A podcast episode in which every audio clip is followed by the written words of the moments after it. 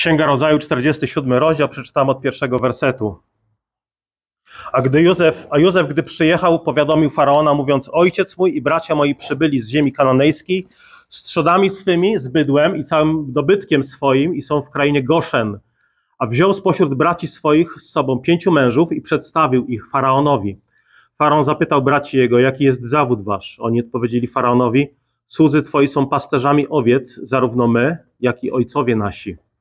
Następnie powiedzieli jeszcze faraonowi: Przybyliśmy, aby jako goście zatrzymać się w tym kraju, gdyż nie ma paszy dla trzód twoich, bo w ziemi kanonejskiej panuje ciężki głód. Pozwól teraz, aby słudzy twoi zamieszkali w ziemi Goszen. Wtedy odezwał się faraon do Józefa, mówiąc: Ojciec twoi bracia twoi przybyli do ciebie. Ziemia egipska stoi dla ciebie otworem.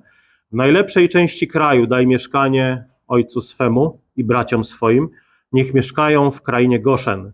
Jeśli zaś wiesz, że są między nami ludzie dzielni, uczyń ich nadzorcami trzód, które do mnie należą. Potem wprowadził Józef Jakuba, ojca swego, i przedstawił go faraonowi. Jakub zaś pobłogosławił faraona. I rzekł faraon do Jakuba: Ile jest lat życia twego? Jakub powiedział faraonowi: Czas mojego pielgrzymowania wynosi 130 lat. Krótki i zły był czas życia mego, mojego i dosięgnął, nie dosięgnął lat życia ojców moich w czasie ich pielgrzymowania. Potem pobłogosławił Jakub faraona i wyszedł od faraona. A Jakub osiedlił ojca swego i braci swoich i dał im posiadłość w ziemi egipskiej, w najlepszej części kraju, w ziemi Ramzes, jak rozkazał faraon.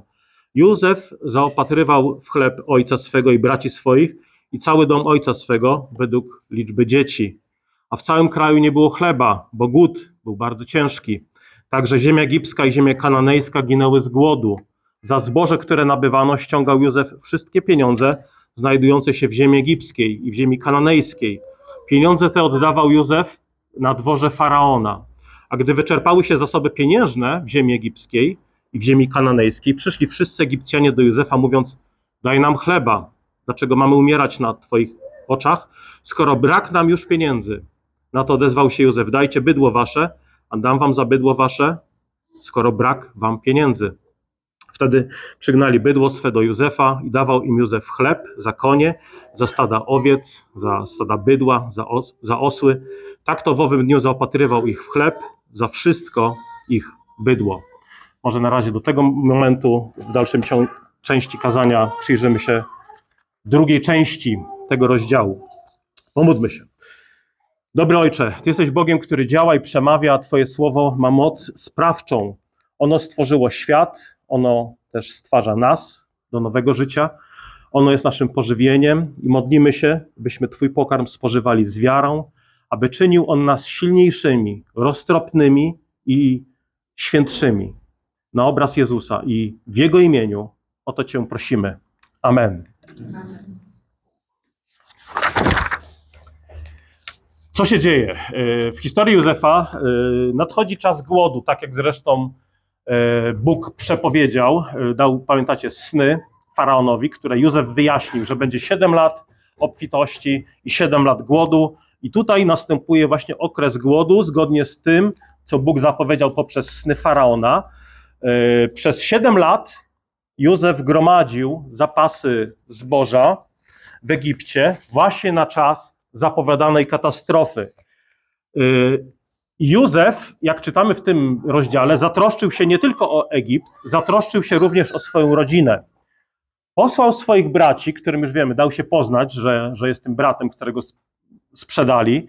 Y, posłał braci, żeby sprowadzili do Egiptu y, Jakuba, jego ojca, wraz z całą rodziną.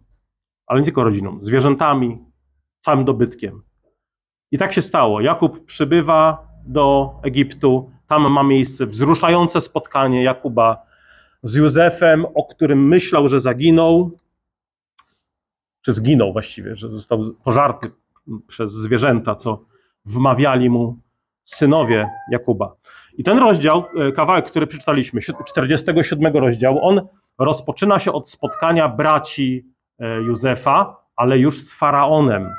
Poszła tam reprezentacja pięciu braci, którzy zgodnie z radą Józefa odpowiadali szczerze, że są pasterzami yy, owiec, że przybyli do Egiptu, ponieważ w ziemi kananejskiej panuje ciężki głód zapytali o pozwolenie na zamieszkanie w ziemi Goszen, będącej częścią Egiptu, ale nie pośród samych Egipcjan. Czyli to takie coś jak Banino yy, obok Gdańska. Faraon mówi, że ziemia egipska stoi otworem dla Józefa, jego rodziny. Zgadza się na zamieszkanie rodziny Józefa w najlepszej części kraju. To była naprawdę najlepsza ziemia. Inne urywki przyrównują tą ziemię Goszen do ogrodu Eden. Faraon zgodził się również, żeby nadać braciom Józefa e, stanowiska nadzorców trzód. Józef zaopatrywał w chleb ojca swojego, braci, cały dom Jakuba. Można powiedzieć, że Jakub wraz z rodziną byli bezpieczni. Był okres głodu, ale w Egipcie znaleźli bezpieczną przystań. Bóg zadbał od nich. Ale zobaczcie, jak zadbał. Poprzez mądrość Józefa, poprzez życzliwe i przychylne serce faraona. Nie? To, to pokazuje, że Bóg troszczy się o nas, ale bardzo często robi to poprzez przyjaznych ludzi, których stawia na naszej drodze, poprzez braci, siostry z kościoła, Twoją rodzinę, przyjaciół, których masz poza kościołem. Bóg troszczy się o Ciebie bardzo często właśnie poprzez ludzi, których stawia na Twojej drodze. Doceń to. I przed faraonem staje nie tylko, stają nie tylko bracia e, Józefa, staje również Jakub. I co ciekawe, kiedy Jakub spotyka się z faraonem, to Jakub błogosławi faraona. Nie odwrotnie. Co pokazuje też, że wszystko, co robi faraon, jawi się jako owoc zaufania Bogu, o którym mówił mu Józef. Faraon, to już mówiliśmy na którym skazan, jest przykładem wierzącego władcy, który szuka mądrości w czasie kryzysu w Bogu. I zobaczcie, szuka mądrości w takich rzeczach jak susza, tak? zarządzanie państwem w czasie kryzysu, szuka błogosławieństwa udzielanego przez Kościół. Tak można symbolicznie odczytywać tą scenę, kiedy Jakub błogosławi faraona. Można powiedzieć, że faraon zabiega o błogosławieństwo Kościoła. To jest, to jest przykład do naśladowania dla każdego rządzącego. I od wersetu 13 mamy opis działań Józefa w czasie tego siedmioletniego okresu głodu, suszy. I zobaczcie, jakie działania podjął Józef, kiedy rozpoczęło się te siedem lat. W 13 wersecie czytamy, że w całym kraju nie było chleba, bo był bardzo ciężki głód. Także ziemia egipska i ziemia kananejska ginęły z głodu. I teraz, za zboże, które nabywano, ściągał Józef wszystkie pieniądze znajdujące się w ziemi egipskiej i w ziemi kananejskiej. Pieniądze te oddawał Józef na dworze faraona. Zwróćcie uwagę, to nie było rozdawnictwo, nawet w ciężkim czasie. Nie rozdawał zboża jak leci. Oni przychodzili, musieli te zboże kupić. Co ważne, pieniądze, które otrzymywał za sprzedaż tego zboża, zboża oddawał faraonowi. Można powiedzieć, że e, Józef miał okazję wzbogacić się w ten sposób kosztem faraona, ale cały czas jest uczciwy, cały czas, jak od początku pojawia się w Biblii, jest zaufania. Faraon powierzył mu ogromną władzę i odpowiedzialność, wiedząc, że Józef jej nie nadużyje, ponieważ już wcześniej Józef dał się poznać jako ktoś, na kim można polegać. I słuchajcie, dla, dla nas to powinno być też ogromna zachęta, że chrześcijanin powinien być z definicji człowiekiem godnym zaufania. Jeżeli ktoś ci zleca jakieś zadanie albo podejmujesz się jakiegoś zadania, to powinieneś mieć tą reputację, że a, on zrobi to solidnie, na nim można polegać, mogę oddać w jego ręce, nie wiem, mogę go zostawić w moim domu na tydzień, bez obawy, że coś tam mi y, zginie. I to mo, może to była jakaś pokusa dla kogoś, kto jest na wysokim stanowisku, poprzez którego przepływają ogromne pieniądze, ale zobaczcie, Józef ukazuje ten Boży charakter w opieraniu się pokusom również, tak? Pamiętacie wcześniej, oparł się pokusie cudzołóstwa, kiedy żona Potyfara chciała go zaciągnąć do łóżka. E, tutaj być może jest pokusa chciwości czy kradzieży, ale właśnie w tych rzeczach, między innymi w tych rzeczach, widać działanie Ducha Bożego w człowieku. W takich rzeczach jak uczciwość, wstrzemięźliwość, pracowitość, spolegliwość, prawdomówność. To, słuchajcie, to są, to są, to jest owoc Ducha Świętego. To jest To jest ta biblijna miara duchowości. Czy jesteś dobrym mężem, dobrą żoną, czy jesteś dobrym rodzicem, synem, córką, czy jesteś wierny i wytrwały w swoich obowiązkach zawodowych, czy pomagasz w pracach domowych, czy pomagasz potrzebującym albo samotnym, czy chętnie przebaczasz, czy jesteś prawdomówny, słowny, dotrzymujesz obietnic, dotrzymujesz zobowiązań. To są, słuchajcie, wszystko bardzo praktyczne rzeczy, w których przejawia się to, czy ktoś żyje w bliskiej relacji z Bogiem. I takim człowiekiem był Józef. I teraz zobaczcie, oni przychodzili, płacili pieniądze za zboże, ale no, głód trwał, susza trwała 7 lat, nie tydzień. I nastąpił moment, kiedy te pieniądze im się skończyły. I co się dzieje dalej? Oni nie byli w stanie, potrzebowali zboża, a nie byli w stanie płacić. I teraz co się dzieje dalej? Mamy drugi etap e, działań Józefa w czasie kryzysu i czytamy w 15 wersecie. Mówili do niego: Daj nam chleba, dlaczego mamy umierać na Twoich oczach, skoro brak nam pieniędzy? Nie mamy kasy już. Na to odpowiedział Józef. Nie, nie, zobaczcie, ciekawe, nie mówi: Aha, no dobra, no to bierzcie worki ze zbożem. Nie, mówi: Dajcie bydło wasze, a dam wam za bydło wasze, skoro brak wam pieniędzy. Wtedy przygnali bydło swe do Józefa, dawał im Józef chleb za konie, za stada owiec, za stada bydła i za osły. Tak to w owym roku zaopatrywał ich w chleb, za wszystko ich bydło. Czyli drugi etap płacili, można powiedzieć, yy, zwierzątkami, tym co posiadali, ale i to się skończyło, bo czytamy dalej, jest trzeci etap kryzysu, i w końcu przyszli do niego, 18 werset, gdy upłynął rok, przyszli do, do niego następnego roku i rzekli do niego: Nie tajimy tego przed Panem naszym, że skoro skończyły nam się pieniądze, a stada bydła należą do naszego Pana, tak, już nie mają też bydła, nie pozostało nam już nic, co moglibyśmy dać naszego, naszemu Panu, jak tylko ciała nasze i role nasze. Dlaczego mamy ginąć na oczach Twoich, zarówno my, jak i rola nasza? Kup więc za, kup więc za chleb nas i naszą rolę. Y, będziemy wraz z naszą rolą niewolnikami faraona. Tylko daj nam ziarna siewnego, abyśmy utrzymali się przy życiu i nie zginęli, a ziemia nie była pustkowiem. Czyli zobaczcie, proponują, mówią: OK, weź nasze role, nasze ręce, będziemy pracowali dla faraona, żebyśmy mieli po prostu co jeść. I czytamy, że Józef zgodził się na ten układ. 20 werset. I tak wykupił Józef wszystką ziemię uprawną dla faraona, bo wszyscy Egipcjanie sprzedali role swoje, gdyż głód dał im się we znaki. I teraz ciekawy werset. Tak to cały kraj stał się własnością faraona. Co do ludności zaś, oddał ją całą w poddaństwo, od jednego krańca Egiptu do drugiego. Nie wykupił tylko ziemi kapłańskiej, bo kapłani mieli stałe zaopatrzenie wyznaczone przez faraona i żyli z tego zaopatrzenia, które im wyznaczył faraon, dlatego nie sprzedali ziemi swojej.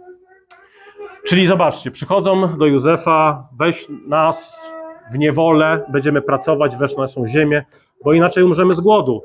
Józef przystał na ich prośbę, odkupił ich ziemię na rzecz faraona, uczynił ich królewskimi niewolnikami. Wyjątkiem byli kapłani, którzy zachowali ziemię i mieli, stałe zaopatrzenie przez faraona. I teraz pytanie brzmi tak: co ten Józef nawyrabiał? Co on, tutaj, co on tu nabroił? Jak ocenić w ogóle jego działania? E, przecież tekst wyraźnie mówi, że w ten sposób cały kraj stał się własnością faraona. Czyli co? Czyli co? Józef był komunistą, popierał zniewolenie obywateli przez państwo, popierał co? Brak własności prywatnej, że wszystko złóżcie faraonowi, aby wy będziecie niewolnikami.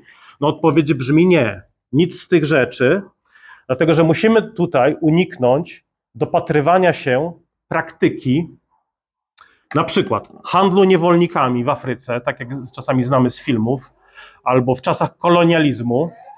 To nie jest, to nie jest ten tekst. I to jeszcze, to jeszcze niewolnictwa na tle rasowym, co, co często w historii wiązało się z uciskiem, pogardą dla człowieka, yy, okrucieństwem. Tak? Biblia sprzeciwia się tym, tym rzeczom. Jeżeli nałożymy na ten tekst nasze pojęcie niewolnictwa z jakichś filmów amerykańskich, yy, to zupełnie rozminiemy się. Rozminiemy się ze znaczeniem tego, co tutaj Józef zrobił, w szczególności z, y, rozminiemy się z docenieniem mądrości i dobra, które Józef wyświadczył tym ludziom. Rozminiemy się z wdzięcznością samych Egipcjan. I teraz tak, jest tu oczywiście użyte słowo niewolnik, ale to nie jest kolonialne niewolnictwo. To jest w Biblii y, y, często jest to po prostu dobrowolna praca na rzecz kogoś. Tak, Egipcjanie powiedzieli: Chcemy, będziemy dla ciebie pracować, nie mamy jak zapłacić, chcemy zboża, nie mamy jak zapłacić, więc zapłacimy wam, tobie Józefie, faraonowi, zapłacimy naszym czasem, naszą pracą, naszymi umiejętnościami. Tak, to zobaczcie, cały czas to była propozycja Egipcjan. To nie był ucisk Józefa, to nie było tak, że ich łapał i zakuwał w dyby czy w kajdany i macie pracować na rzecz faraona. Nie, oni przyszli z propozycją. Będziemy pracować. Dobrze, zatrudnimy was.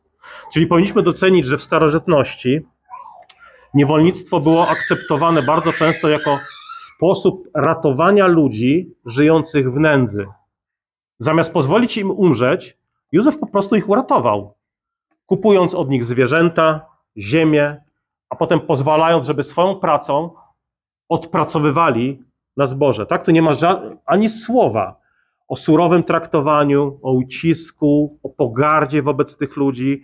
Zauważcie, oni sami zabiegali o to, o pracę na własne, na własne utrzymanie. Nie mieli z czego zapłacić. Józef mógłby równie dobrze powiedzieć: No to jeżeli nie macie z czego zapłacić, już nie macie pieniędzy, nie macie ziemi, nie macie bydła, no to jak? A ja nie potrzebuję waszej pracy. Nie, no, można powiedzieć, dał im pracę, przyjął ich ofertę, żeby własnymi rękoma odpracowali za zboże. Ja bym to przyrównał do historii, no, dwa przykłady. Kiedyś rozdawaliśmy zaproszenia na ulicy do kościoła. To były takie ewangelizacyjne traktaty z zaproszeniem. Jeżeli masz pytanie o Biblię, zadzwoń albo odwiedź nas na nabożeństwie. I pamiętam, dosyć często to robiliśmy jeszcze na początku naszej służby. E, no i przyszedł człowiek, który, podszedł do mnie człowiek, który prosił mnie o pieniądze. No i powiedziałem, że słuchaj, no mogę dać ci pieniądze, ale wiesz co, mam tu jeszcze traktaty, będę tu stał jeszcze dwie godziny. Czy mógłbym ci dać trochę, żebyś mi pomógł to rozdać? I za pół godziny przyjdź, powiedz, ile ci się udało rozdać, ja ci dam pieniądze. nie, nie przystał na to, tak? nie zgodził się. On chciał pieniądze teraz, bez żadnych tutaj pracy, pomocy i tak dalej. To jest jeden przykład, ale znane są też na przykład takie historie, że chrześcijański lekarz wyjechał z żoną na przykład do RPA y, i pewnego dnia przyszedł do nich afrykański nastolatek, oferując im swoją pracę w zamian za jedzenie. Zgodzili się pomóc mu. Y, I tu nawet nie trzeba dodawać, że nie został w żaden sposób ten chłopaczek przymuszony do niewolnictwa, po prostu pracował na jedzenie, co było też jego prośbą i inicjatywą. I tutaj mamy to samo. Egipcjanie zaoferowali pracę za jedzenie. Nie oczekiwali, że Józef ich zaopatrzy w ramach dystrybucji dóbr, w ramach solidarności społecznej, że zajmie się rozdawnictwem w czasie głodu. Wiedzieli, że żeby mieć co jeść, muszą pracować i chcieli pracować. Tak, to była obustronna umowa. Prawo Boże zezwalało na to, żeby tymczasowi niewolnicy mogli zdecydować się nawet na dożywotnie niewolnictwo, ze względu na to, że mieli bardzo dobrze, że tak powiem, u swoich panów. Tak, Józef był na przykład niewolnikiem u Potyfara. Ale zobaczcie, jakiego rodzaju to było niewolnictwo. On go, Potyfar, postawił go jako nadzorcę nad całym pałacem, nad całym jego domem. Mówił, tam jest taki werset, kiedy Potyfar mówi do Józefa, nie, nie odmówiłem ci niczego z wyjątkiem mojej żony. Nie był zaraz po Potyfarze. I były takie sytuacje, kiedy niewolnik wiedział, że okej, okay, minęło tam 7 lat, mogę odejść na wolność, ale nie. On dba o, o mnie, ta rodzina troszczy się o mnie, płacą mi na czas, niczego mi nie brakuje, chcę tu zostać. Chcę tu zostać. Skutek działań Józefa był taki, że ziemia, którą Egipcjanie oddali za zboże, stała się własnością faraona. I potem przy kolejnych żniwach mieli oddawać faraonowi jedną piątą zbiorów. Jedną piątą zbiorów. Nic w samym tekście też nie wskazuje, że to był przejaw okrucieństwa. To nie był uciążliwy układ, kiedy już mieli pracować, jedną piątą owoców pracy przynosić dla państwa. W Babilonie, z tego co czytałem, oprocentowanie kupna zboża wynosiło około 40%. Dzisiaj, słuchajcie, ja nie wiem, ilu z Was marzy o tym, marzy, żeby państwu oddawać 20%. Oj, gdyby, gdyby tylko 20% naszych podatków szło do państwa, nie? I zobaczcie, naprawdę trudno jest tu mówić o ucisku w sytuacji, kiedy, kiedy ktoś zatrzymuje u siebie 80% dochodów. Ale jeszcze jedno pytanie. Co w takim razie z zarzutem zniewolenia ludzi wobec państwa? Bo tutaj czytamy, że cały kraj stał się własnością faraona. Cały kraj własnością faraona. Józef przyczynił się do tego. Co o tym sądzić? Jak często, zresztą jako Kościół, sprzeciwiamy się e, zależności od państwa, zależności kościoła od państwa, zależności rodziny od państwa, że państwo nie ma kompetencji, żeby wkraczać w te sfery, które Bóg powierzał, powierzył kościołowi, albo wolności obywatelskiej, albo rodzinie. Tak? Państwo na przykład nie ma kompetencji decydowania, kto może być pastorem w naszym kościele. To nie jest biznes państwa. Państwo nie ma kompetencji, żeby decydować, nie wiem, co możemy jeść, co wstrzykujemy w nasze ciała, yy, jakaś zawartość naszej krwi i tak dalej. Sprzeciwiamy się tym rzeczom i tutaj nagle czytamy, że o, Bo, Boży człowiek doprowadza do sytuacji, kiedy ludzie są zależni od państwa. I teraz kilka słów na ten temat. Yy, zauważcie, że plan ratunku pochodził od Boga to Bóg dał Józefowi wyjaśnienie snu faraona o zbliżającym się głodzie, ale też Bóg dał wskazówkę, co robić. Dlatego Józef wcześniej rekomendował faraonowi zbieranie 20% zbiorów do spichlerzy w czasie dobrobytu. 20% do spichlerzy, żeby przygotować Egipt na życie w okresie suszy. I to była Boża mądrość, to było Boże rozwiązanie, tak mówi Biblia. Po drugie, y, w samym tekście nie ma krytyki działań Józefa. Przeciwnie, Józef jest tutaj przedstawiony jako pełen mądrości i Bożego Ducha człowiek, który ratuje Egipt przed śmiercią głodową. Kapłani, magowie w Egipcie nie mieli rozwiązania. Miał Józef poprzez Boga, który mu dał mądrość. Także było to dobre działanie, które przynosiło ratunek Egiptowi w trudnej sytuacji. Yy,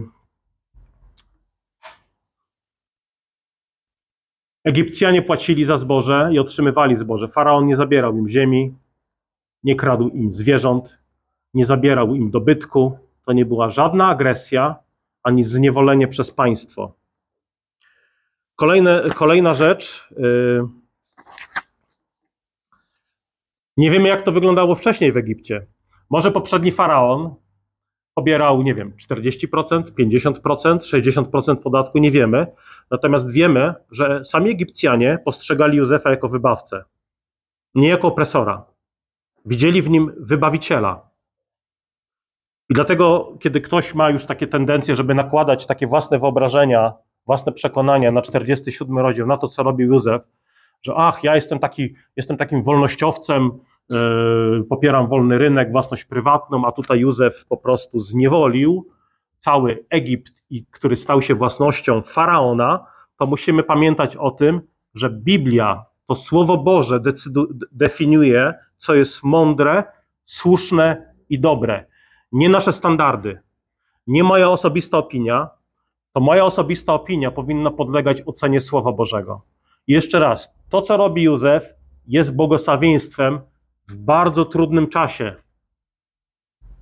Jest błogosławieństwem dla jego rodziny, dla faraona, któremu służy. Jest błogosławieństwem dla mieszkańców Egiptu, dla, dla wszystkich, którzy przybywają do Egiptu z innych krańców ziemi.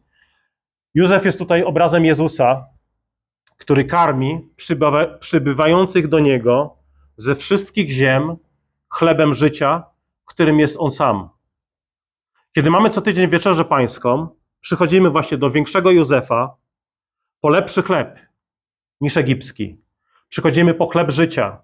I oczywiście otrzymujemy go darmo, z łaski, ale też na nabożeństwa nie przechodzimy z pustymi rękoma. Przychodzimy z darami, które składamy również w kościele jako wyraz wdzięczności i uwielbienia Jezusa.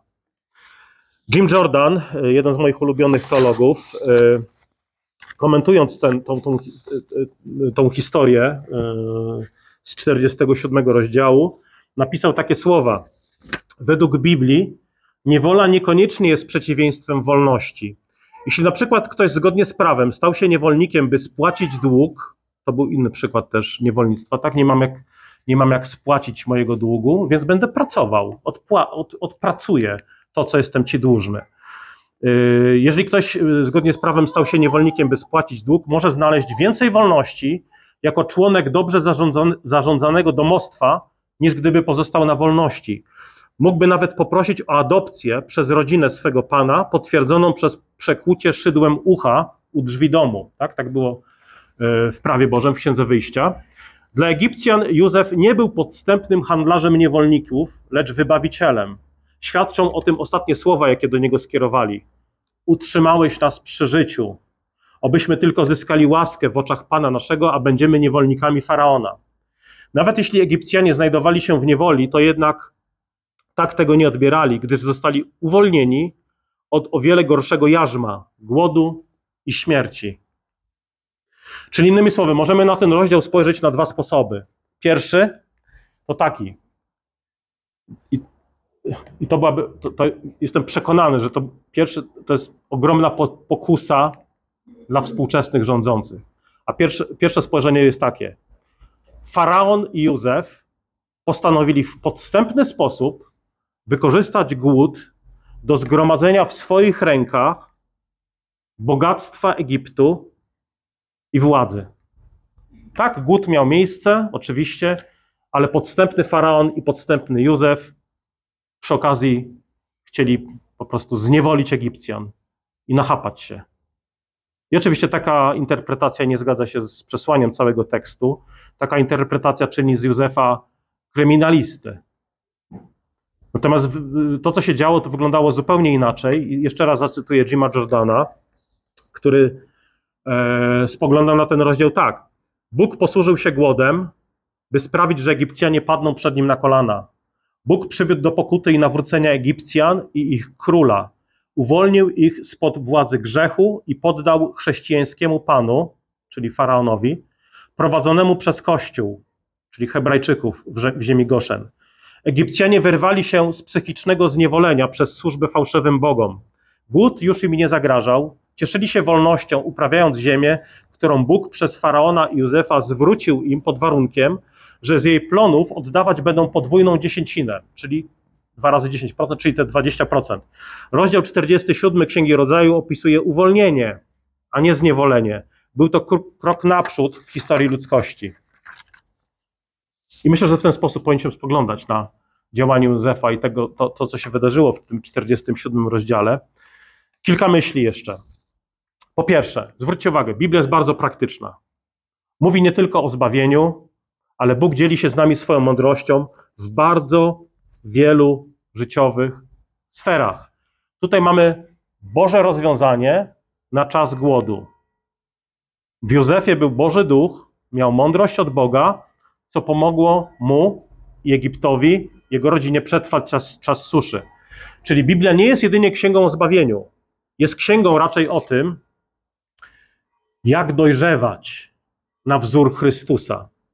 Bożym celem nie jest jedynie przetrwanie, Bożym celem nie jest jedynie zbawienie człowieka. Z jakichś powodów Bóg nie zabrał nas do nieba, kiedy się narodziliśmy na nowo, ale nas jeszcze zatrzymał, ponieważ Jego celem jest dojrzały człowiek i dojrzały świat. W Biblii nie mamy jedynie pięciu wersetów, które mówią, co masz zrobić, żebyś był zbawiony. Koniec, taki minimalizm.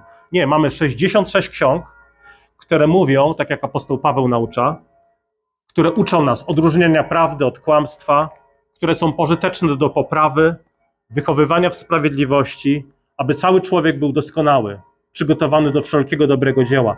Dlatego ucz się mądrości z Biblii, ucz się mądrości też z książek, które pomagają ci rozumieć Biblię i rozumieć świat, rozumieć drugiego człowieka. Ucz się z książek, ucz się z wykładów, konferencji, u tych, którzy mają poukładane priorytety w głowie i w sercu w oparciu o Boże Słowo. słowo. Innymi słowy, bądź jak Józef.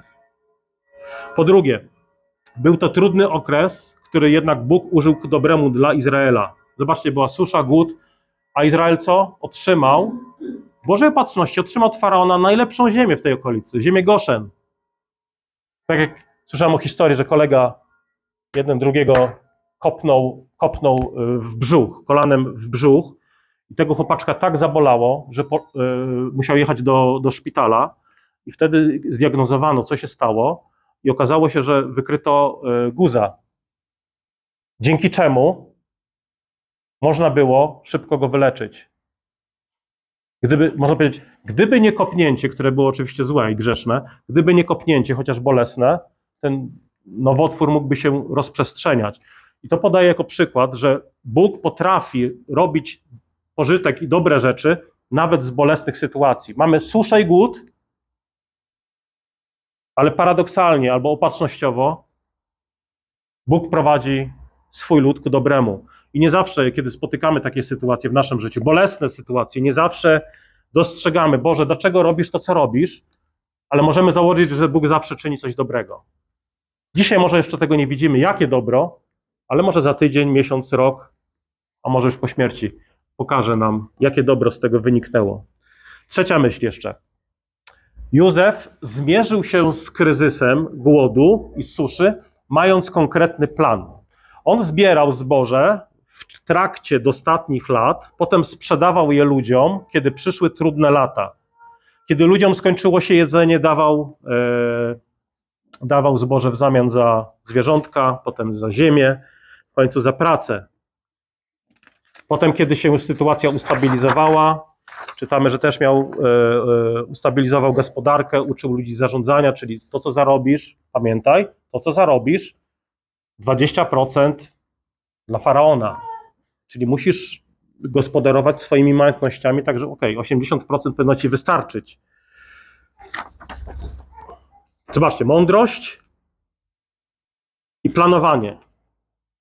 Ktoś mógłby pomyśleć, no ale to był kryzys, przydałoby się coś takiego spektakularnego, tak? Egipcjanie, y, Izrael doświadczał kryzysu, kiedy uciekał przed Egipcjanami w czasie, e, w czasie kiedy Bóg wyprowadził ich i prowadził do ziemi, do ziemi obiecanej przez Morze Czerwone. I wtedy co?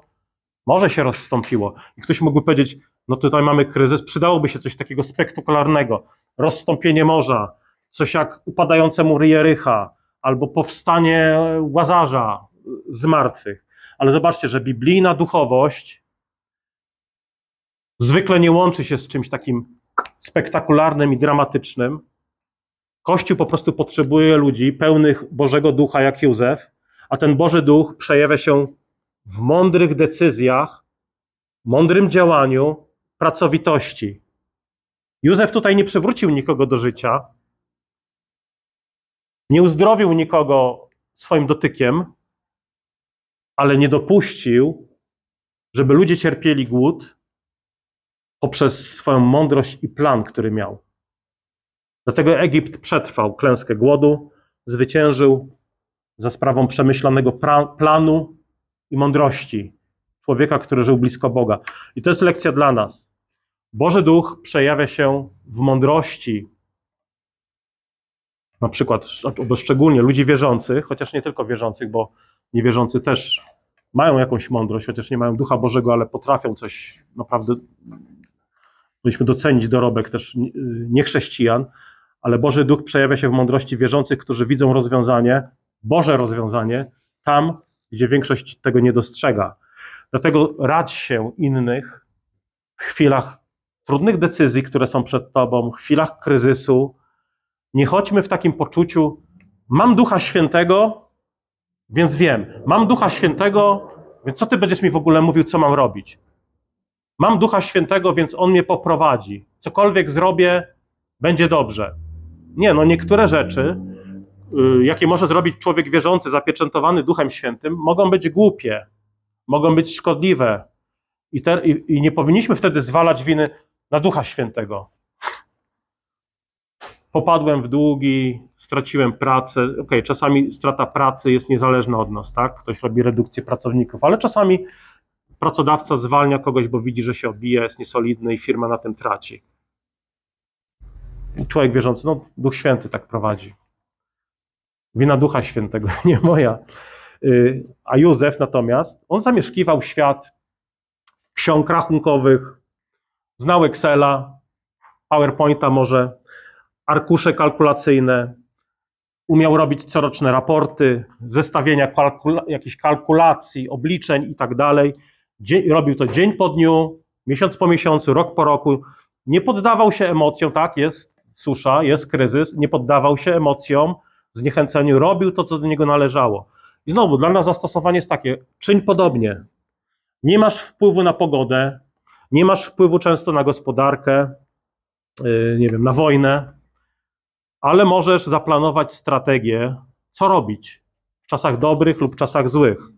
Módl się do Boga o mądrość, nie podejmuj szybkich kroków, szczególnie kiedy nasze emocje buzują, tak? Często mamy tendencję, żeby podejmować szybkie. Nie, poczekaj. Niech to wszystko opadnie, pomódl się, prześpij się. Wczoraj z Jolą rozmawialiśmy o jednej sytuacji. Powiedziała: prześpijmy się, nie rozmawiajmy za długo. Y, rano może przyjdą jakieś nowe myśli od Pana Boga.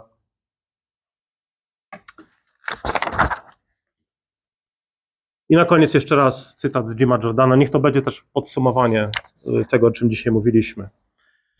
Współczesny człowiek chce, chce być wolny od tyranii. Patrzmy na narody zniewolone przez okrutnych władz, patrzymy na narody zniewolone przez okrutnych władców i chcemy, by były wolne. Chcemy szerzyć demokrację i wolność. Jednak to zły plan, ponieważ człowiek nie może być absolutnie wolny. Tylko Bóg cieszy się absolutną wolnością. Zniewoleni ludzie potrzebują przede wszystkim Ewangelii, która daje im możliwość, by przestali być zwierzętami, a stali się synami. Człowiek bardziej niż wolności potrzebuje nowego Pana, jedynego prawdziwego Pana, przez duże P, który doskonale wie, jak rządzić synami. Ci, którzy znaleźli się w jego niewoli, doświadczają prawdziwej wolności i bezpieczeństwa i dorastają do roli jego współpracowników. Dlatego rozdział 47 Księgi Rodzaju jest tak wspaniałym obrazem Ewangelii. Egipcjanie zostali wyrwani z niewoli Egip- y, pogańskiego pana, ze zniewolenia stworzeniem, takim jak Nil i słońce, z niewoli szatana.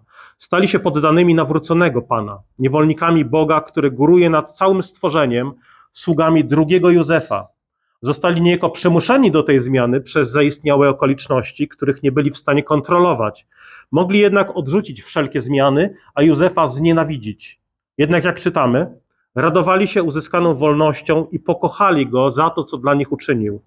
Egipcjanie zawierzyli jedynemu, który zapewnia swym sługom doskonałą wolność i bezpieczeństwo, obyśmy zawsze czynili podobnie. Pomódlmy się. Ojcze, dziękujemy Tobie za Twoje słowo, za mądrość z góry, którą przynosi Twój duch. Dziękujemy Ci, że Twoje słowo jest tak bardzo praktyczne, pełne mądrości, też w takich doczesnych, codziennych sferach naszego życia, jak wszelkie jakieś kryzysy, które nas dotykają, jakieś osobiste, rodzinne, zawodowe. Daj Panie, abyśmy szukali właśnie Twojej mądrości, abyśmy wkładali wszelki wysiłek i pracę tam, gdzie możemy to zrobić i Tobie powierzali owoc naszych wysiłków. Prosimy Cię o to w imieniu Jezusa. Amen.